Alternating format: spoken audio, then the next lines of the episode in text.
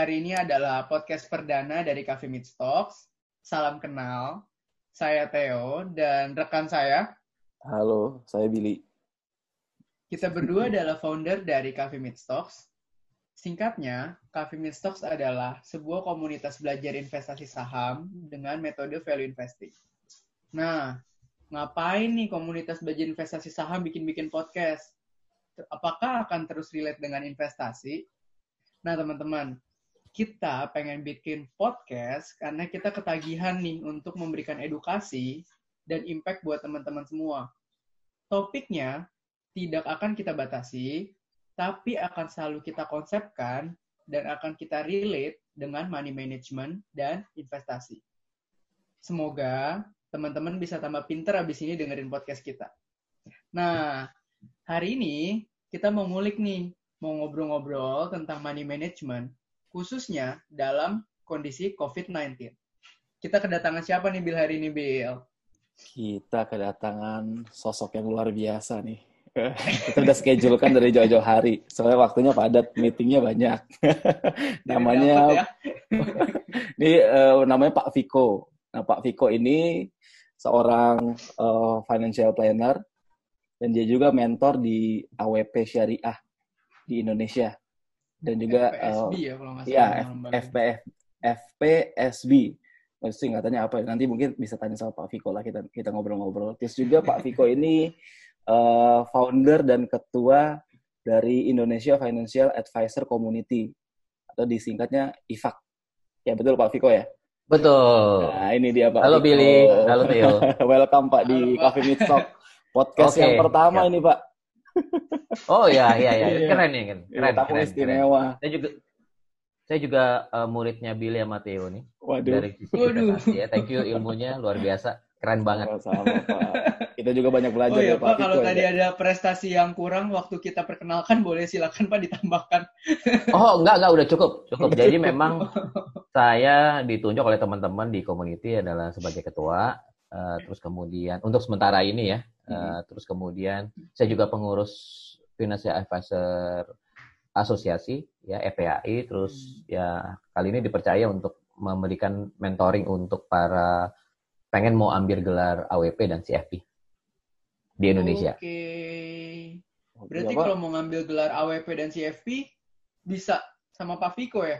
Pak Viko iya, salah satu uh, mentornya gitu ya? Iya, salah satu mentornya.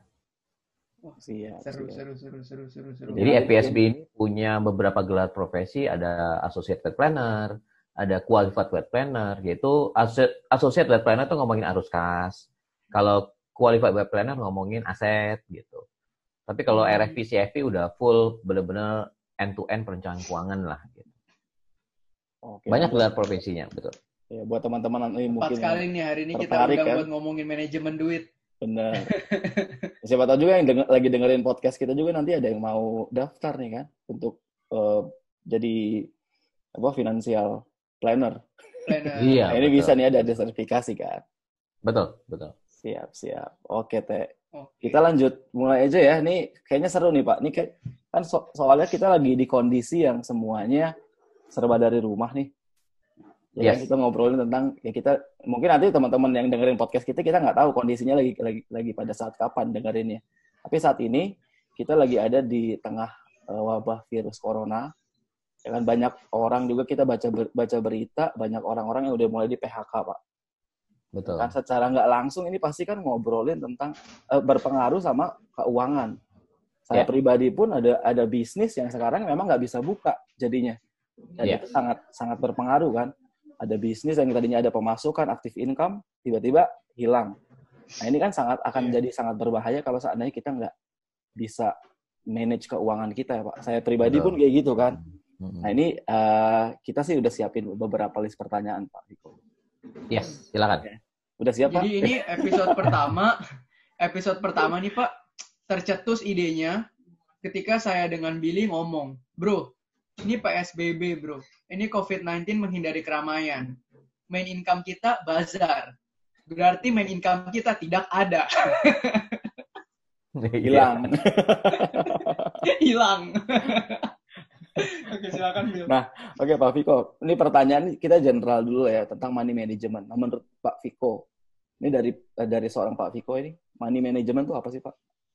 Yang dimaksud dengan sebetulnya se sebetulnya Billy dan Theo money management simpel aja sih sebenarnya bagaimana kita bisa memanage uang dengan baik gitu.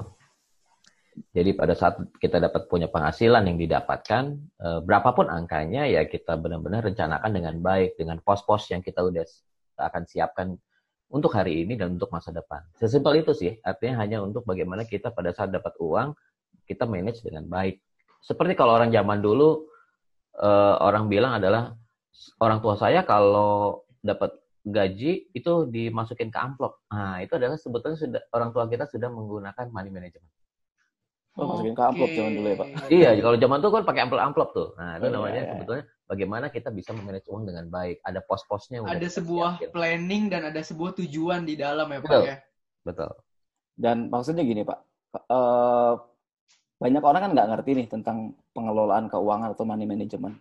Bang, seberapa penting sih Pak? Bukankah ya, kalau misalkan saya lihat teman-teman saya gitu ya, selama gaji kita, penghasilan kita lebih besar daripada pengeluaran, itu kayaknya udah aman-aman aja nggak sih? Betul. Jadi artinya uh, memang penghasilan lebih besar dari pengeluaran itu adalah salah satu kunci juga. Artinya jangan sampai kita penghasilan kita pengeluarannya lebih besar. Nah, hmm. dengan adanya poin yang pertama adalah penghasilan kita ternyata lebih besar dari pengeluaran, itu sebetulnya poin penting. Nah, pada saat gaji kita lebih besar, namun pengeluarannya juga kita tidak bisa kontrol, juga sangat berbahaya juga, Billy dan Theo. Karena hmm. kenapa? Karena kita punya tujuan. Dalam hidup kita, masa kita masih masa muda, masih produktif. Hmm. Kan bekerja itu kan tidak hanya sam uh, kita selalu pengennya seumur hidup. Ada seseorang yang pengen bekerjanya hanya sampai usia saya sampai 50 saya nggak mau kerja lagi. Saya akan menikmati aset saya gitu. Kemudian pada saat nanti usia 60 saya nggak mau kerja lagi, saya mau menikmati aset saya. Atau bahkan ada orang yang usia 40 dia nggak mau kerja lagi, dia pengen menikmati asetnya.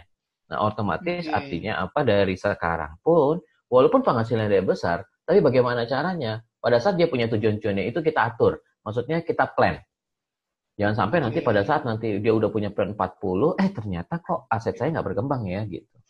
Maka perlu, walaupun penghasilan lebih besar, maka perlu diatur Makanya perlu money management itu. Hmm, makanya ini uh, saya note nih uh, ada satu hal yang penting. Karena sebetulnya penghasilan pun nggak selamanya kan. Karena kita nanti one day pasti akan pensiun. Betul. Atau misalkan Betul. contoh dalam kondisi seperti ini ada yang tiba-tiba gaji kita karena ada teman-teman saya juga yang gajinya dipotong Pak gara-gara kerja dari rumah. Ya. ya takutnya pengeluarannya udah terlanjur besar malah jadi jadi imbang kan. Jadi kalau jadi imbang masih bagus, tapi kalau kurang gimana kan? Ya, betul. Ya. Jadi sebetulnya dengan kondisi COVID-19 ini, masyarakat kita Indonesia mulai bisa, mulai bisa melihat bahwa ternyata perencanaan keuangan, perencanaan keuangan itu sangat penting. Theo dan Billy. Karena pada saat kita tidak, belum, kalau tidak ada kondisi ini, mungkin ya hidup ya jalan aja gitu. Tapi dengan kondisi orang bisa melihat bahwa, oh oke, okay, artinya seseorang itu penghasilan satu bisa turun. Yang kedua, ada seseorang yang dengan kejadian ini penghasilan nggak ada sama sekali loh gitu. Iya betul. Oh terus ya? dulu itu. Iya betul. Terus kalau kayaknya kita deh. Kalau misalnya tidak terjadi, kalau saya tidak punya penghasilan, terus nextnya gimana? Kan artinya harus ada plan, harus ada iya. rencana. Yeah. Jual yeah. aset juga gak gampang sekarang. Benar. Orang sekarang lagi menahan uh, uang cash. Betul. Karena cash adalah cash is the king lah istilahnya gitu. Cash is king pada saat ini ya. iya. Orang tidak mau uh, ya artinya waduh saya mau jual mobil juga orang mau ketemu aja gak susah dan sebagainya jadi jadi dengan adanya kondisi ini adalah sebuah sebuah artinya informasi yang diberikan kepada masyarakat oh jadi artinya memang benar ya saya harus punya yang namanya dana khusus untuk iya. apabila terjadi darurat-darurat seperti ini gitu. Oh itu seru tuh nanti Betul. kita bahas lagi tuh. Benar benar. Ini Berarti, masih Pak, masih masih boleh, banyak yang harus diulik. Kalau saya boleh simpulkan, kan banyak nih teman saya yang selalu bilang kayak nggak apa-apa boros-boros masih muda yang penting penghasilan kita dong kita kejar nih dua kali lipat pengeluaran kita berarti mungkin mostly orang bicara seperti itu karena mereka belum punya goals dalam perencanaan keuangan ya pak Jadi Bisa mereka jadi. lihat short termnya gitu. Betul, bisa jadi. Ya memang hidup cuma sekali nikmatin aja. Kalau emang kita, kita penghasilan besar, namun pengeluarannya juga besar, tidak ada yang bisa disisihkan untuk masa depan, agak susah juga. Hmm. Seperti tadi bilang Billy dan Theo bahwa kita bekerja itu kan nggak hanya nggak seumur hidup, setuju ya? Betul. Pertanyaannya adalah eh, bagaimana kalau kita tidak bekerja dengan kondisi lain? Misalnya eh, ternyata harus istirahat di rumah misalnya, atau mungkin sakit, kondisi nggak enak badan dan sebagainya, kita penghasilan kita akhirnya turun. Nah, nextnya gimana? Padahal pengeluaran kita udah besar, cicilan-cicilan kita udah banyak. Nah, perlunya diatur yang money dengan cara money management itu. Bagaimana pada saat kita terjadi resiko, pada saat bagaimana dengan kondisi darurat seperti ini, bagaimana hidup kita tetap berjalan dengan baik. Itu sih sebetulnya. Oke, oke, oke, oke. Nah, ini karena kita udah masuk ke money management-nya nih, tadi udah ngomongin kondisi darurat nih, Pak. Kita bahas satu-satu ya, Pak. Yes. Saya pengen ngobrolin tentang saving dulu nih, Pak, pertama. Karena saya lihat kalau dari teman-teman saya sendiri atau generasi milenial, banyak yang melek investasi, mulai. Tapi banyak yang menganggap saving itu minor. Jadi kayak saving itu bukan sesuatu yang penting gitu. Karena mereka selalu ngomong tentang hidup ya dinikmatin aja. Gitu.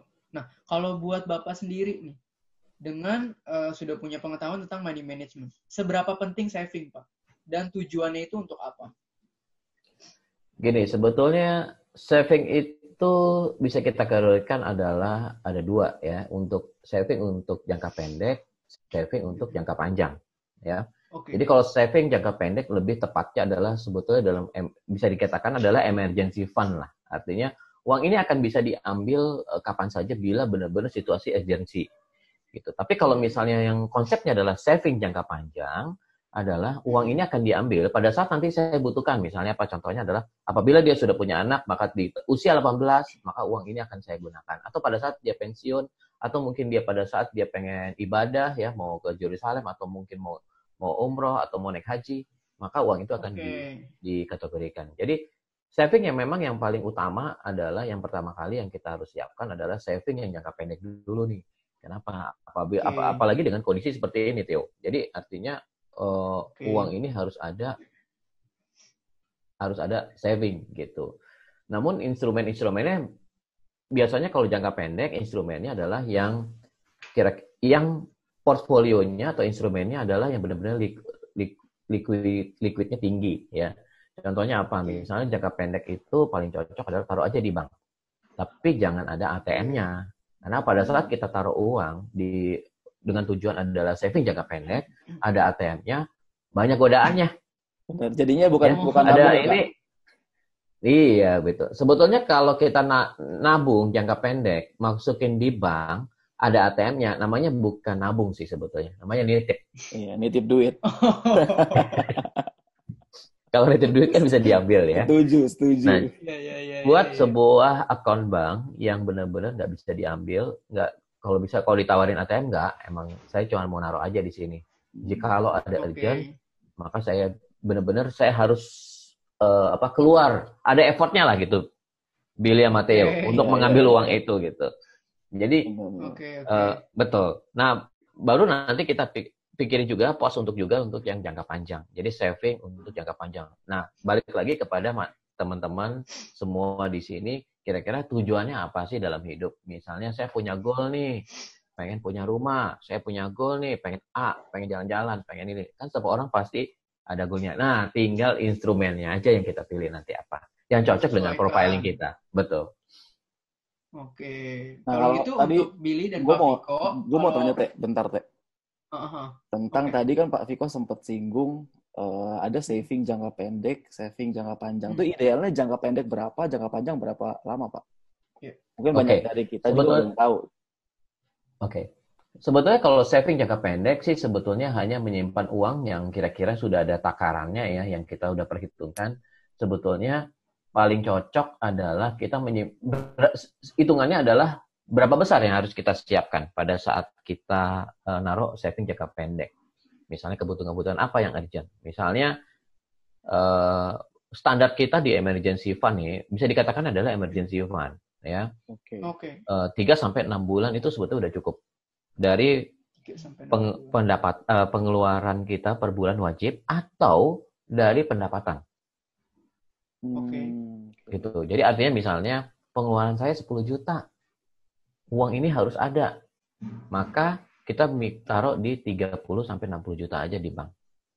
Berarti ya. supaya bisa menjaga hidup kita 3 sampai 6 bulan kalau seandainya terjadi apa-apa sama income kita gitu ya. Betul. Okay. Artinya kondisi emergency seperti ini, kita nggak ada yeah. penghasilan, tapi kita punya uh, budget uh, untuk uh, emergency seperti ini, baru kita bisa tarik. Jadi banyak kemarin yang kontak saya di email, apakah saya saat ini okay. boleh menggunakan uh, apa tuh namanya? Boleh menggunakan uh, dana darurat saya. Dana darurat. Uh-uh. Iya, dengan kondisi ini karena terus terang aja penghasilan saya turun 50% karena work from home gitu. Hmm. Ya, selama ada uh, selama ada tetap ada penghasilan dan emang ini benar-benar harus dibayar seperti bayar uh, macam-macam ya, bayar mungkin hmm. pembantu, listrik itu kan wajib hmm. harus dibayar. Iya, Maka betul. gunakanlah emergency emergency fund itu, tarik aja gitu. Nanti pada saat kondisi ini selesai diisi lagi. Okay. Gitu. Soalnya kalau kenapa? Mm -mm. Silakan tuh. Kenapa kita biasanya orang yang punya emergency fund itu biasanya kayak biasanya pola kehidupannya lebih irit dibandingkan orang yang tidak punya emergency fund ya. Kenapa? Uang mendingan saya taruh di emergency fund daripada saya beli A, beli B, beli C, beli A. Karena uangnya ada kan gitu. Uangnya penghasilannya lebih besar gitu. Jadi dia tapi naruh uang di emergency fund juga kurang kurang bagus, kurang produktif sebetulnya kalau ditaruh yang besar-besar gitu ya. Sampai ratusan juta, miliaran kalau rata-rata di pengeluarannya mungkin 20 juta, 10 juta gitu. Wah, saya emergency fund saya besar. Sebetulnya kurang kurang bagus juga. Kenapa? Kan nggak berkembang. Iya, Biasanya ya, naruh di bank itu kan uh, nilai value-nya turun kan. Artinya di beberapa tahun ke depan. Jadi lebih baik adalah taruh yang kira-kira cukup aja. 3 sampai 6 bulan aja. Okay. Atau kalau dia mau ngeri, taruh 12 bulan boleh. Tapi di atas 2 bulan sebetulnya kurang produktif. Kenapa? Mendingan uangnya ditaruh di instrumen yang hasilnya lebih baik. Iya. Supaya nggak kemakan inflasi ya Pak ya? Betul, betul. Berarti saving jangka pendek ini kalau kita bisa summary itu sama dengan emergency fund ya? Yes. Saran sehatnya adalah 3 sampai 6 bulan pengeluaran atau pendapatan. Iya. Dan tentunya harus dibuat sangat sulit diakses supaya kita tidak tergoda. Iya. Nah, buat Pak Viko dan Billy, kalau pengen simpan dana darurat boleh transfer ke saya. Nanti saya bantu persulit untuk dananya jika dicairkan. Nanti saya bantu persulit ya. Kayaknya di gua, iya. di gua jauh lebih sulit sih. Kirim ke gua aja nggak apa-apa. Oke, Pak. Tadi kan kita ngomongin parsial nih, Pak. Emergency yes. fund besarannya berapa gitu ya. Sebenarnya kita sendiri nih, Pak. Misalnya, katakanlah kita per bulan dapat income 10 juta gitu, Pak ya. Yes. Uh. Nah, pembagiannya tuh seperti apa sih, Pak? Yang sehat gitu. Sebetulnya di perencanaan keuangan kita ada standar alokasi e, cara mengatur uang ya. E, pada saat uang masuk berapa pos-posnya gitu. Jadi pos yang pertama adalah e, kita hidup pasti ada pengeluaran gitu. Nah, pada saat kita melakukan pengel, e, masukkan pos pengeluaran itu ada maksimumnya gitu. Maksimumnya adalah 45% dari e, penghasilan kita. Itu yang okay. yang ideal ya, 45%. Terus kemudian bukan berarti seorang uh, orang yang melakukan perencanaan keuangan dia tidak boleh hutang. Boleh aja. Mau hutang okay. handphone, mau hutang tas, boleh-boleh saja namun ada ada pakemnya. Jadi dia okay. harus maksimal itu kalau dihutang itu adalah 35%. Itu terdiri dari uh, 20% uh, minimum untuk produktif, artinya untuk cicilan rumah, tanah, beli apartemen. Uh, eh, okay. Terus pokoknya yang hasilnya produktif, namun juga okay. boleh juga untuk yang konsumtif. Namun ada batasannya. Dia maksimal adalah 15%. Jadi total adalah pada saat kita pengen berhutang, maka kita harus cek dulu uh, maksimumnya, yaitu adalah 35% dari pendapatan. Kalau pendapatannya 10 juta, ya 35, tiga setengah juta. Kalau pendapatannya 100 juta, berarti cicilannya boleh 35 juta per bulan. 35 juta. Oke. Okay. Betul.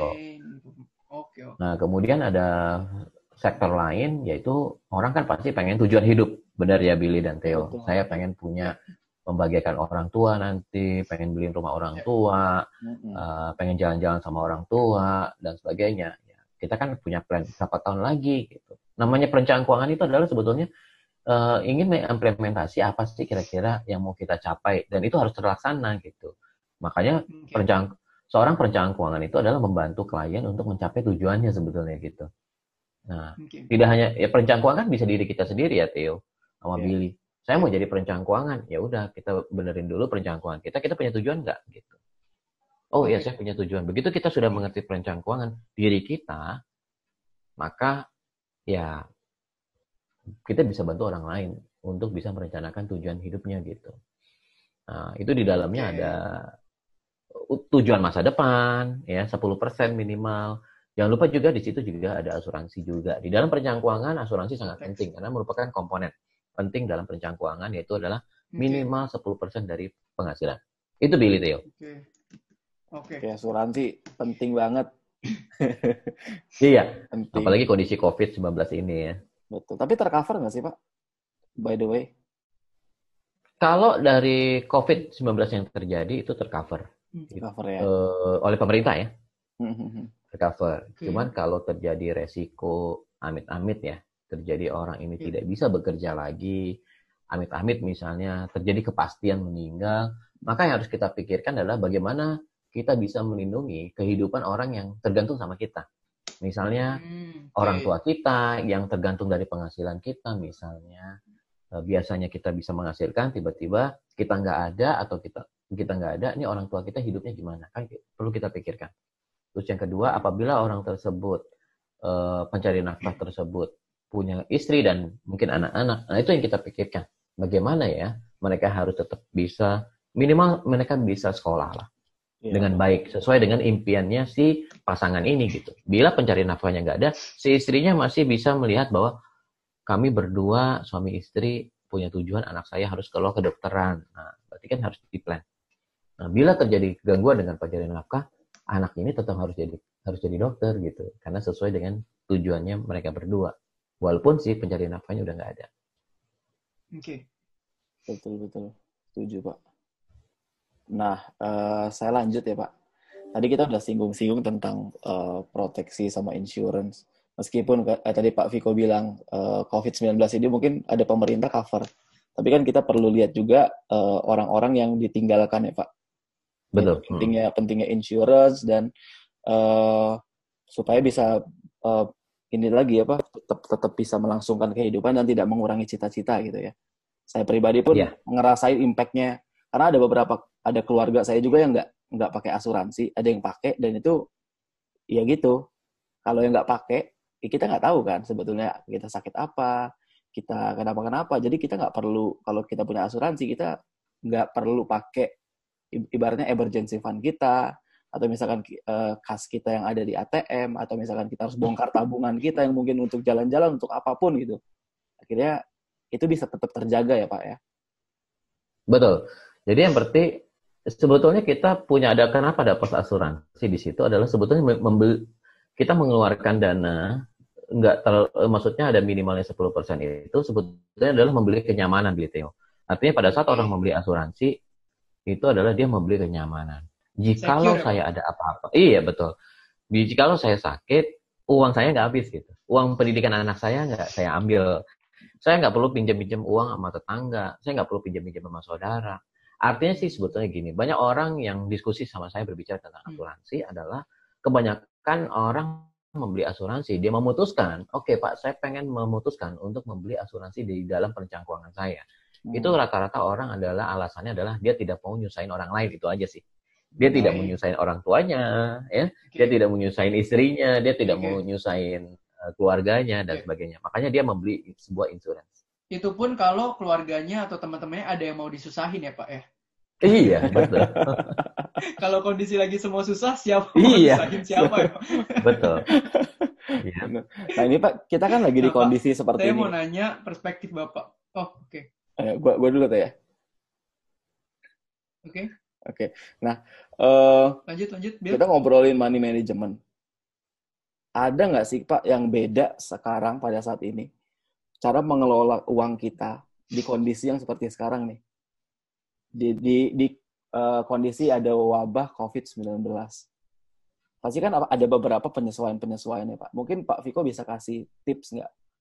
Atau misalkan kita perlu mengurangi pengeluaran, apakah kita perlu mencari apa, atau manage apa yang lebih besar dan apa yang kita kecilkan gitu. Oke, okay.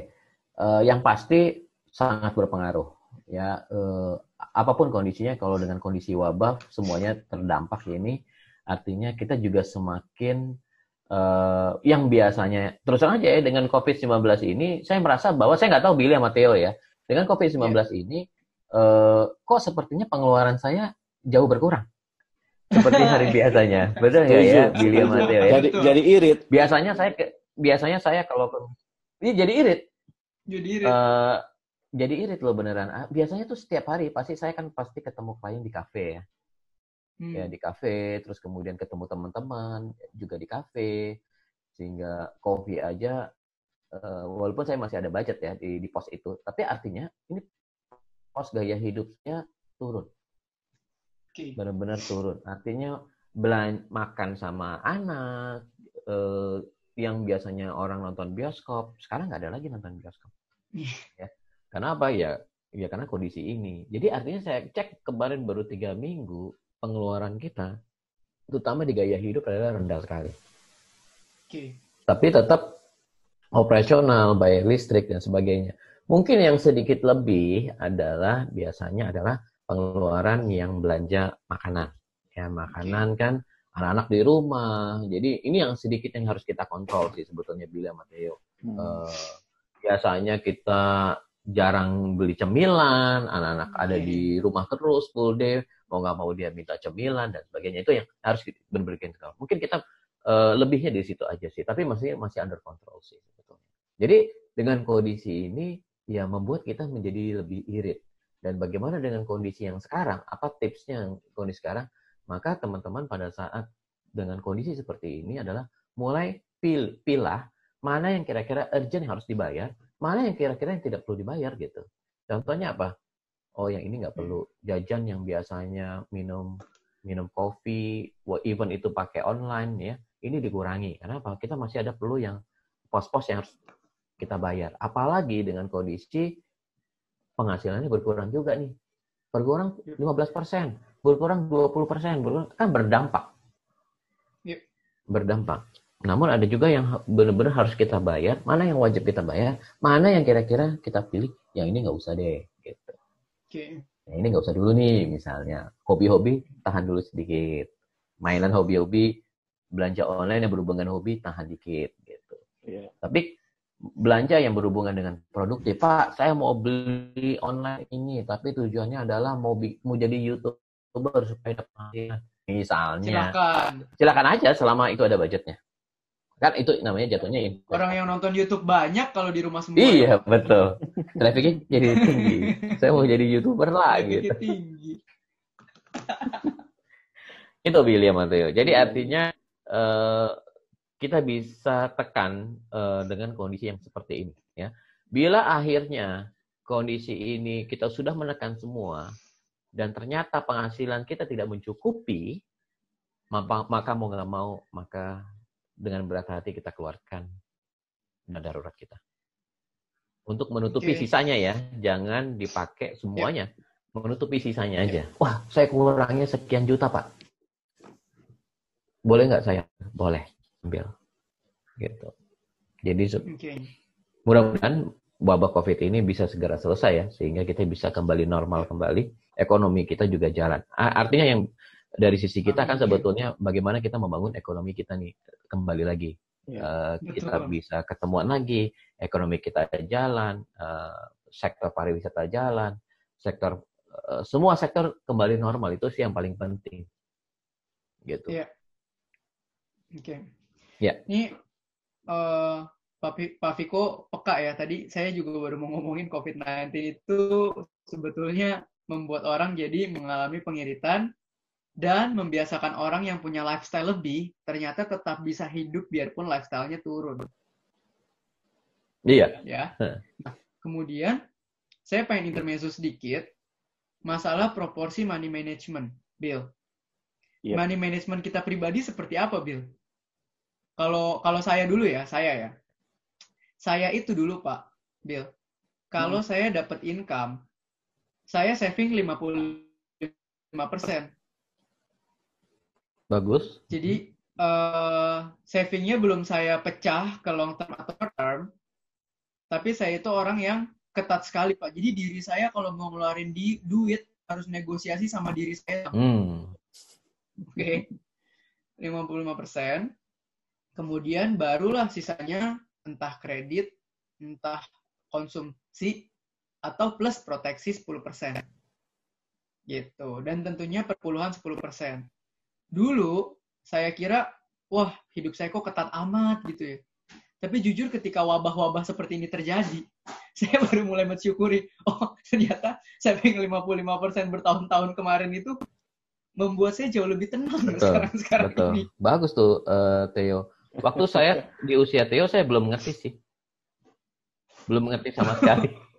ya, bersyukur masih ya. artinya iya, artinya bersyukur yang teman-teman yang masih muda ini sudah memikirkan itu ke depan. Karena dulu saya nggak ada yang ngajarin kan. Mengerti dunia perencanaan keuangan juga istilahnya ya saya belajarnya juga baru berapa lima ya sepuluh tahun ini saya sebagai praktisi keuangan. Coba kalau saya dari pada saat saya di usia Theo Billy ya, mungkin artinya kita akan lebih irit gitu. Karena terus aja saya dulu juga zaman dulu ada kalau YOLO, ya saya YOLO juga sih. Cuma sekali ya belanja aja apa yang saya mau gitu. Dan penyesalannya baru sekarang. ya. Hmm, saya sempat melihat postingan Pak Pak Viko dulu anak band kayaknya Pak ya. Oh iya betul. Aduh, keren keren keren. Jadi jadi shifting ya pak sekarang ya pak ya. Betul. Nah kalau saya sendiri sebetulnya nggak alokasinya nggak nggak sebesar si Theo sih pak. Kalau seandainya 20 sampai 30 persen itu masih aman nggak sih pak? Soalnya saya biasa dengan penghasilan saya, saya, saya biasa alokasikan yang paling yang udah pasti itu 20 persen saya alokasikan untuk nabung. Terus saya batasi pengeluaran saya maksimal itu 50% dari income saya. Nah, sisanya itu bisa asuransi pasti udah pasti bahkan asuransi saya kayaknya lebih dari 10%. Karena ada ada hmm. beberapa hmm. ada beberapa asuransi kan. Iya. Nah, gitu. Nah, sisanya tuh saya uh, ada budget-budget yang memang oh, untuk ini aja untuk kayak misalnya kalau ada sisa saya nggak nggak orangnya nggak gitu teratur yang harus oh ini harus kayak Teo 55% enggak tapi yang saya pastikan adalah minimal 20% itu saya taruh di untuk untuk tadi yang Pak Viko bilang saving jangka pendek dan nanti dari itu hasilnya numpuk, nah itu baru nanti saya kelola buat investasi. Gitu. Hmm. Oke. Okay. Gitu. Ya bisa juga seperti itu. Tapi 20% Jadi, cukup Pak. dulu. Sebetulnya sih kalau misalnya tidak ada hutang berjalan, ya kalau bisa dimaksiminnya di tabungan masa depan. Hmm. Oke. Okay ya, jangka pendek ya dikumpulin dulu terus kemudian nanti baru ditaruh di sebuah port instrumen investasi ya boleh-boleh aja. Cuman kalau misalnya kita nggak ada pos hutang yang berjalan ya kalau bisa sih sis, yang tidak di uang sisanya kita masukin di dalam pos masa depan. Itu sih Billy. Ya, atau misalkan uang sisanya bisa langsung masuk investasi ya pak? Kalau memang udah punya emergency Betul. fund Betul. Karena kalau misalnya kita tidak nge-planning, uh, seperti di zaman dulu ya, saya tidak pernah nge-planning itu, sehingga saya merasa saya masih ada uang sisa. Saya merasa tiap bulan masih ada surplus. Hmm. Dan surplus ini biasanya saya habiskan. Hmm. Oh pasti habis pak? Oke, okay. karena nggak ada tujuannya. Betul, karena nggak ada tujuannya. Iya. Jadi pada saat di akhir bulan besok mau gajian, ada uang 4 juta, apalagi sih kita ke mall aja, beli aja sesuatu yang menurut kita, nah, Walaupun sih sebetulnya cuman pengen doang gitu. Begitu kita udah yeah. beli, ini buat apa ya gitu. Kenapa? Coba dari Sering betul. Sih, Jadi konsep sisa sisi ini sangat penting, Billy sama Theo. Jadi kalau zaman dulu saya konsepnya masih sisa. Jadi hmm. kalau ada sisanya baru saya investasikan atau saya tabung. Hmm. Ya, kalau sekarang modelnya adalah kita sisi dulu aja gitu. Jadi pada saat kita dapat penghasilan, kita sisihkan dulu kira-kira apa tujuan hidup kita ke depan, apa kira-kira proteksi yang kita mau uh, lindungi, terus kemudian apa kira-kira yang kita sisihkan untuk kehidupan kita. Ada Jadi konsep alokasi sisa, ya. betul. Konsep sisa ini sangat penting sebetulnya dalam perencanaan keuangan. Nah, kebanyakan adalah kalau ada sisanya baru saya tabung. Kalau nggak ada sisanya, ya nggak ditabung, gitu. Dan biasanya nggak akan ada sisa. Iya, biasanya nggak ada sisa karena pada saat oh saya masih ada tujuh ratus ribu dua hari lagi mau gajian, mau nggak mau tujuh ratus ribu itu pasti jalan-jalan ke mall, eh, makan Iya. eh, dan sebagainya gitu. Padahal tujuh ratus ribu itu kalau dia sisihkan di awal itu udah bisa jadi bentuk investasi yang menurut saya luar biasa ya. Iya. Setiap bulan Sa- bisa nyisihin untuk reksadana tujuh ratus ribu misalnya. Ya, Saya juga dulu sebelum bertobat, Pak, ya kayak gitu, Pak. Oh gitu ya. Makanya kena batunya dulu, tiba-tiba yang tadinya mungkin dapat income stabil, tiba-tiba income yang nggak stabil, terus eh, drop banget gitu ya, nggak punya emergency fund, nggak punya uang apa-apa segala macam kan dulu YOLO banget kan. Nah, udah kepentok dulu, Hmm. baru belajar alokasi keuangan gitu. Iya. Nah, jangan sampai mungkin teman-teman yang dengerin podcast ini jatuh untuk kepentok dulu gitu. Betul, betul. Apalagi ya ini sebetulnya kondisinya adalah pe- pembelajaran kita ya. Artinya ada nilai positifnya juga sih sebetulnya bahwa ternyata hidup itu itu ya nggak semulus itu juga gitu. Banyak tantangan juga gitu. Seperti ini kan kita harus cari cara nih gimana ya supaya saya bisa tetap bayar eh, operasional hidup Iya. kita, bayar kos-kosan Iya. kita, dengan kondisi seperti ini nih gimana kan artinya oh ya ternyata ya. Ini sebetulnya buat pembelajaran juga sih sebetulnya. Jadi mungkin Ya. ke depannya adalah mulai kita bisa melihat bahwa wah benar nih kayaknya saya harus lebih irit lebih bisa menyimpan uang lebih lebih baik menghargai uang yang kita dapat. Oke, eh, bu- saya rasa udah cukup nih ngobrol-ngobrolnya tentang eh, money management. Thank you banget hari ini juga Pak Viko udah datang, Mbak Viko udah hadir nih di Zoom dan mau cerita-cerita banyak. Nah mungkin saya tambahin sedikit aja sebelum kita tutup ya. Nah, di sini saya melihat ada satu hal lagi yang penting sih yang untuk kita sama-sama pelajari teman-teman semua pendengar podcast ini betapa pentingnya untuk punya lebih dari satu sumber penghasilan. Karena saya melihat di dalam kondisi COVID-19 ini begitu banyak bisnis yang tumbang, begitu banyak pekerja yang terlay off, yang betul-betul unexpected, dan kalau kita hanya punya satu sumber penghasilan, tampaknya kondisinya akan jadi begitu berat. Gitu. Jadi untuk penutup, mungkin dua hal ini yang harus kita pelajari.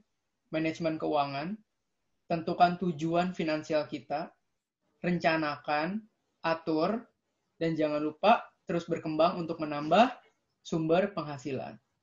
Tentunya ada satu instrumen lagi yang sangat penting yaitu investasi, tapi nggak akan kita bahas di sini. Nanti mungkin akan ada satu episode khusus dari Cafe Midstock yang akan ngelanjutin topik ini dan bahas tentang investasi saham. Bener ya, Bile? Betul sekali. Oke. Karena di tengah di tengah krisis gini ada peluang besar sebetulnya. Ya, Pak Viko Eh, juga stop, udah tahu. sampai Viko situ dulu. Sampai situ dulu. Nanti kita lanjutin di episode khusus investasi saham pada saat krisis. Siap. Oke, terima kasih teman-teman semua udah dengerin. Kita berharap teman-teman semua bisa tambah pinter abis denger ini. Dan goodbye. Ya, thank you juga buat Pak Viko. Tarat, tarat, tarat, tarat. ya sama-sama thank you Billy dan Theo Thank you, dari Coffee Pak. Meet Stop